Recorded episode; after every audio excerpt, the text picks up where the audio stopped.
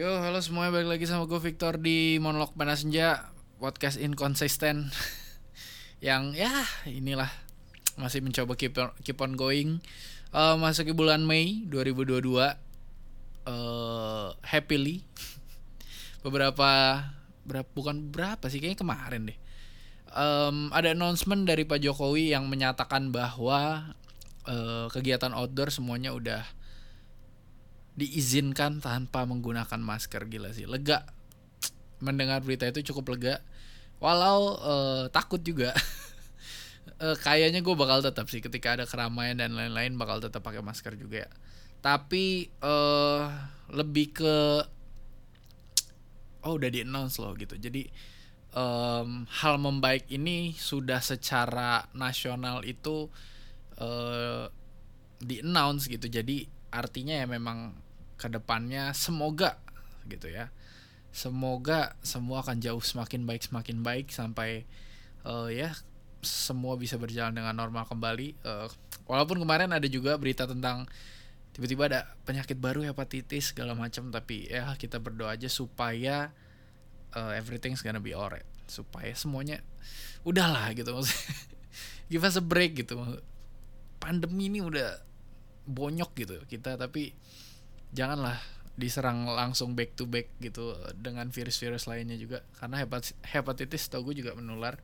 Anyway tapi um, gue membuka podcast hari ini dengan kabar covid gitu ya. Kayak ini podcast apa sih? Nama pena senja tapi bahasnya selalu tentang gua, setelah gue hitung-hitung gue kayaknya nggak pernah nggak ngebahas covid ya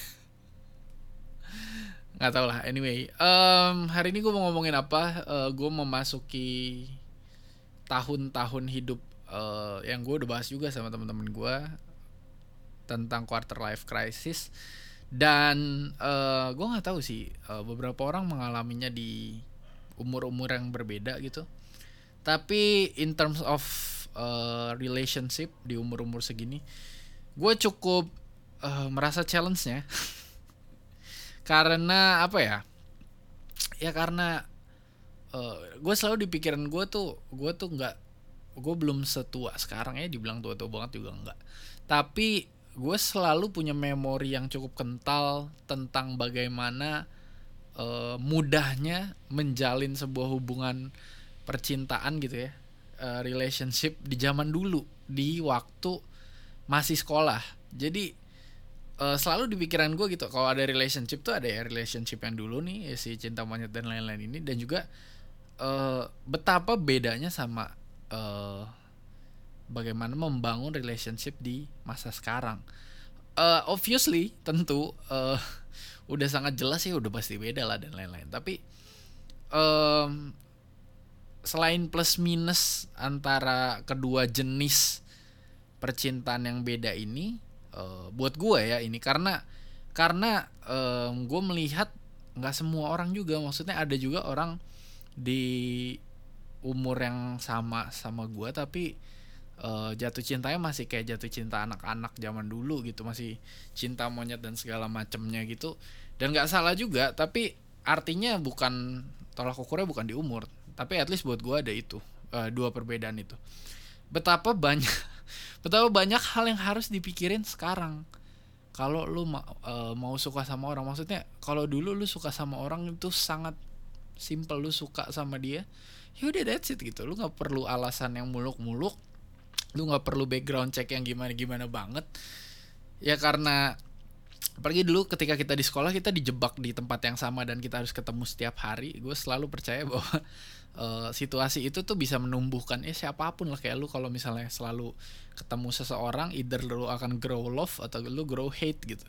Atau ya mungkin di tengah-tengah juga mungkin. Tapi akan ya selama ada interaksi yang terus menerus akan ada pertumbuhan rasa aja gitu dan waktu kita sekolah kan gitu ya. Jadi sehingga interaksi-interaksi itu aja udah cukup menjadi alasan kita buat suka sama orang. Gue suka senyumnya gue gue suka dia cantik doang gitu misalnya. Gue atau uh, gue suka uh, karena dia ramah gitu. Nggak ada orang yang pernah nyapa gue tiba-tiba dia nyapa gue atau Eh, nggak uh, ada orang yang pernah peduli sama gue tapi waktu sekali sekalinya gue lagi di kelas meeting olahraga terus tiba-tiba dia uh, tepuk tanganin gue waktu gue ngelakuin sesuatu dan I wish gitu ya. Gue berharap hal itu tuh masih bisa gue da dapetin di di umur umur sekarang bukan berarti impossible tapi chance nya sangat kecil ya. Uh, ya gue selalu punya uh, mimpi muluk-muluk itu saat-saat uh, kayak sekarang gini kayak kapan ya gue tiba-tiba jalan ke mall tiba-tiba gue ketemu love of my life gitu atau gue lagi ngapain gitu terus gue kayak cuma ada satu momen sederhana tapi gue kayak ah ini dia nih gitu. Uh, gue udah mulai terdengar desperate. Tapi uh, perbedaan antara dua jenis relationship itu uh, buat gue menjadi pertanyaan. Sebenarnya uh, relationship yang kayak sekarang gini yang kita mulai mikirkan banyak hal ini itu adalah tanda pertumbuhan atau enggak? Karena uh, sejauh selama ini gue ngelihat banyak orang uh, ngelihat buku-buku film uh, story dari uh, paman tante om temen dan lain-lain maksudnya nggak pernah ada rumus yang uh, pakem di dalam how you work out a relationship gitu. Dan kalau dalam hal ini hal ini sebenarnya gue spesifiknya ngomongin tentang uh, perbedaan di fase ketika lu mulai tertarik sama orang. Kayak yang tadi gue udah bilang kan kalau di zaman dulu lu tertarik gampang. Jadi nggak banyak analisa-analisa terhadap apa yang harus lu pikirin tentang dia gitu. Kalau lu suka ya lu suka aja terobos aja lah gitu. Tapi di zaman sekarang nggak nggak semudah itu untuk menerobos karena layernya makin banyak gitu kayak oh gue suka nih sama dia misalnya. Gue suka dia uh, dari secara looksnya misalnya gue suka tapi oh kok waktu gue uh, selidiki selidiki ternyata misalnya oh keluarganya orang ini nih uh, orang tua gue susah nih kalau sama yang keluarga kayak gini misalnya. Terus uh, wah karir dia kayak gini nih dia di atas gini aduh umurnya segini nih wah dia terakhir mantannya pakai mobil kayak gini nih. Aduh terakhir dia ulang di ulang tahunnya di surprise ini kayak gini. Itu layernya makin tebel coy. Dan semakin lu sadar makin lu tua akan semakin bertambah gitu. Karena eh, orang-orang yang lu harap jadi jodoh lu ini makin lama juga akan makin banyak experience di dalam bidang yang sama gitu. Jadi ya mereka nggak akan stuck gitu aja gitu-gitu aja. Mungkin sementara lu cuman kayak di situ aja. Terus lu tinggal ngeliat anjir makin banyak dong experience dia terus nanti gue kalau pacaran sama dia apalagi what's new gitu. Apalagi gue ajak dia ke mall ini dia udah pernah gitu. Gue ajak makan sushi ya mantannya udah. Jadi uh, excitement itu nggak gue nggak tahu ya maksudnya apakah mungkin walaupun it's not the first time gitu tapi tapi akan tetap berkesan gitu. Mungkin aja sih tapi di elemen of surprise-nya nggak yang kayak gimana lagi kayak uh, gue nonton salah satu gue pernah ceritain gue gue nonton salah satu reality show Jepang uh, judulnya apa ya judulnya? Uh, apa house ya? Oh gue jadi lupa gue agak udah berapa bulan yang lalu. Terrace House judulnya. Terrace House ceritanya tentang enam stranger gue udah cerita kayaknya. Dan salah satu di situ uh, ada uh, bukan pemeran ya partisipannya tuh bilang dia suka ketika dia melakukan segala sesuatu untuk pertama kalinya dengan uh, pasangannya. Dan dia waktu itu anak muda gitu. Dan dia ngerti maksudnya nggak semua orang bisa mengalami itu. Jadi waktu itu uh, ceritanya itu dia uh, galau karena ada yang deketin dia. Itu umurnya jauh lebih tua kalau nggak salah anaknya ini 18 tahun. Terus kayak uh, yang deketin tuh 27 tahun dan ternyata itu hal yang biasa gitu di di culture-nya Jepang. Kayaknya kayak ya udah umur uh, beberapa orang mikir umur doesn't matter dan se lumayan secuek itu dalam case ini ya. Nah, tapi ketika gue dengar itu bener juga. Maksudnya ada saatnya di mana kita benar-benar ingin merasakan sesuatu hal yang baru dengan pasangan kita. Maksudnya bukan cuma gue loh yang ngerasain ini baru tapi kita dua-duanya. Sehingga experience itu bikin value buat kita berdua sama-sama kayak ah lu inget gak sih? Lu pertama kali ke sini tuh sama gue gue pun sama gitu. Dan itu menurut gue itu salah satu hal yang mahal di zaman sekarang. Walaupun uh, teknologi uh, restoran infrastruktur semuanya berkembang dan banyak hal-hal baru tiap hari tapi regenerasinya nggak secepat itu. Jadi kayak lu ke mall ini lu makan di sini sini misal lu pacaran gitu dua tahun tiga tahun lama-lama lu akan udah menjajal semua makanannya gitu. Dan untuk muncul sebuah mall baru untuk lo explore lagi tuh nggak dalam waktu cepet gitu nggak sebulan dua bulan atau setahun dua tahun bisa jadi lima tahun bisa jadi 10 tahun kemudian gitu. Sementara hubungan lu belum tentu sawet itu. Jadi lo akan akan selalu mentok-mentok dengan uh, ah gue udah pernah ke sini ya jangan ke sini lagi lah gitu. Karena ada uh, beberapa orang ya sisanya udah pasti uh, orang-orang yang suka dengan comfort zone. Tapi uh, setengahnya lagi mungkin ya mungkin gue nggak tahu statistiknya.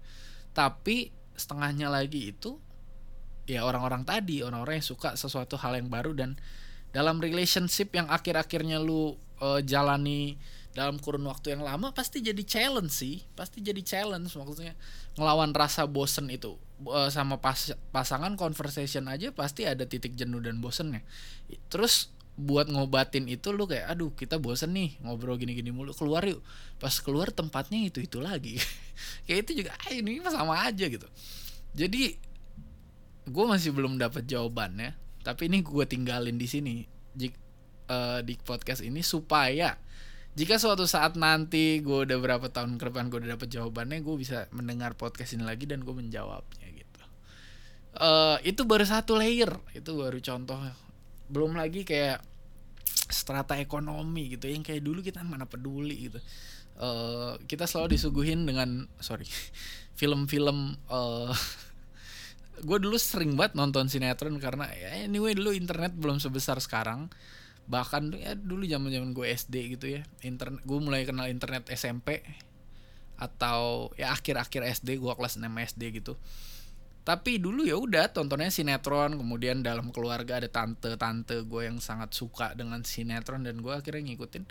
Kita lu sadar gak sih kita selalu disuguhin dengan uh, premis yang mirip-mirip gitu. Pasti uh, jagoan utamanya si protagonisnya ini miskin kemudian orang yang suka sama dia ini kaya uh, terus ada saingannya uh, cewek yang gak yang suka sama cowok ini tapi cowok ini nggak mau.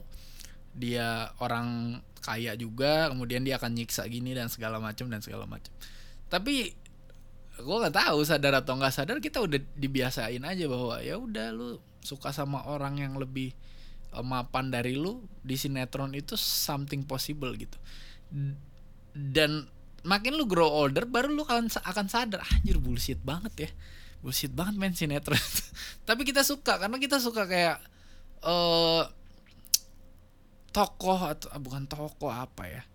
Ya tokoh gitu ya tokoh dalam uh, yang memainkan peran ini. Kita suka ketika kita ngelihat jagoan yang dia nggak punya apa-apa tapi dia berjuang atau dia mengalami uh, mujizat atau apalah sehingga dia akhirnya bisa cowoknya nggak mandang dia dari harta dan lain kita suka karena mungkin itu gak yang itu yang kita nggak bisa dapetin men. Dari kecil kita udah tahu ini ini aku suka cerita ini. Waktu kita gede anjir itu bohong banget. Tapi kayaknya kita suka gitu. Karena kita tahu itu nggak akan terjadi di hidup kita. Jadi ya udah kita tonton aja gitu. Masuk akal eh jadi itu layer-layer kayak gitu yang bikin betapa challengingnya di umur sekarang ini gitu. Udahlah uh, masalah uh, lu harus buru-buru nikah biar anak lu uh, nanti waktu masih kecil lu nggak tua-tua banget ya itu urusan belakang layernya men. Nembusin layernya gimana gitu. Deketin cewek kayak wah gila sih kayak harus ada list yang kayak oh nih checklist nih ini checklist nih ini checklist nih. Dan dan sialnya kayak maksudnya cewek itu juga ini gue karena gue cowok ya gue ngomongnya cewek jadi uh, cewek itu juga akan punya checklist yang sama buat lu. Harusnya sih.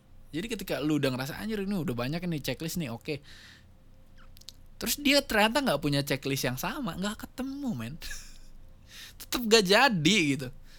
Jadi wah emang alasan terbaik yang menjodoh di tangan tuh uh, gue mengamini itu tapi ah jangan-jangan ini alasan ini nih alasan, orang-orang yang emang susah nyari aja gitu.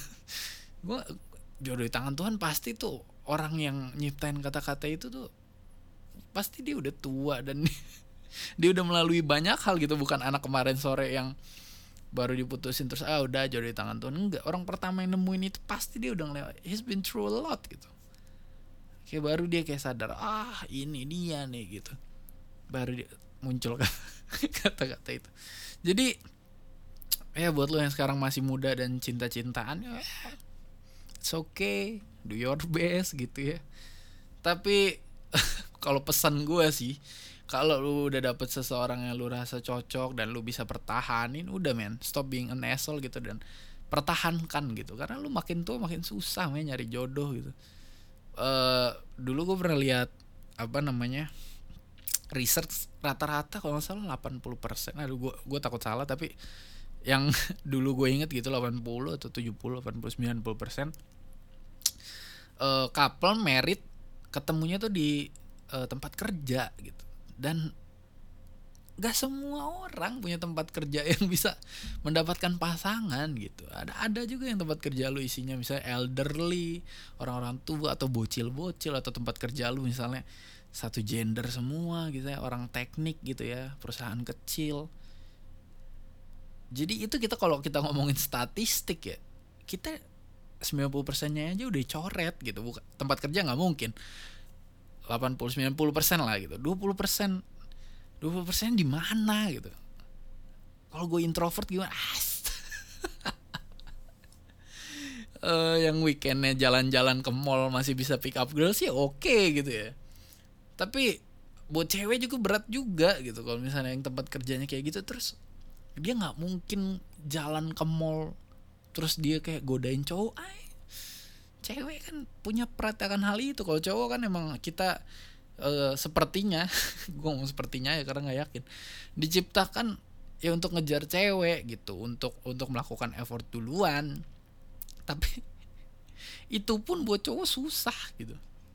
Susah tetap men di umur sekarang gitu udah, dicoret. Introvert coret lagi ke mall.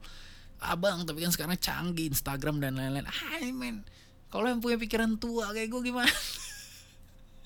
Kayak lu ketemu di Instagram ah ini real nggak ya? Anjir ini sih filter doang. Itu baru dari looksnya anjir. Nih dia di chat gue gue sering banget tuh ngechat uh, selalu skeptis terhadap hal-hal yang bahkan nggak penting ya ah ini mah orang di chat doang asik nih pas ketemu juga belum tentu padahal bisa aja dia asik. Cuman hal-hal kayak gitu kan ada chance untuk gagal gitu. Walau walaupun kayaknya emang yang harus dibuang tuh emang harus dibuang pride man. Kalau lu desperate udahlah lupain aja pride. Karena kalau lu kesampingkan pride lu dan lu ya udah. Like aja tuh semua Tinder atau lu DMin aja semua cewek. Lu gak punya kayak kayak nggak punya harga diri tapi chance lebih gede. Tapi orang udah milih-milih waktu terus berjalan terus waktu milih orangnya zong eh, kapan dapetnya? Kayaknya pride sih masalahnya. Ada ya tapi uh, eh, gue nggak tahu poin apa yang pengen gue sampaikan di podcast ini. Mungkin jadi pertanyaan dan pembelajaran aja sih buat diri gue sendiri terutama ya. Uh, rasa anxiousnya udah perlahan-lahan hilang kayak ya udahlah bodo amat gitu. Kalaupun gue nggak merit ya udah gitu. Kalaupun gue nggak punya pacar berapa tahun lagi ya udah gitu. Tapi uh, keinginannya ya mungkin ada secara uh, secara pribadi kayak suatu saat mau gitu. Tapi nggak usah dipaksain sekarang it's okay gitu. Tapi kayak ini layernya banyak banget gila gue harus nganalisa lagi ini capek gitu harus ketemu lagi gitu. Ya udahlah ujung-ujungnya ya udah jodoh di tangan Tuhan. Jurus andalan. Um, eh, tapi anyway ya kita harus percaya aja. Kita harus keep on going terus lakuin uh, apa yang menjadi drive lu cari motivasi di hal-hal lain.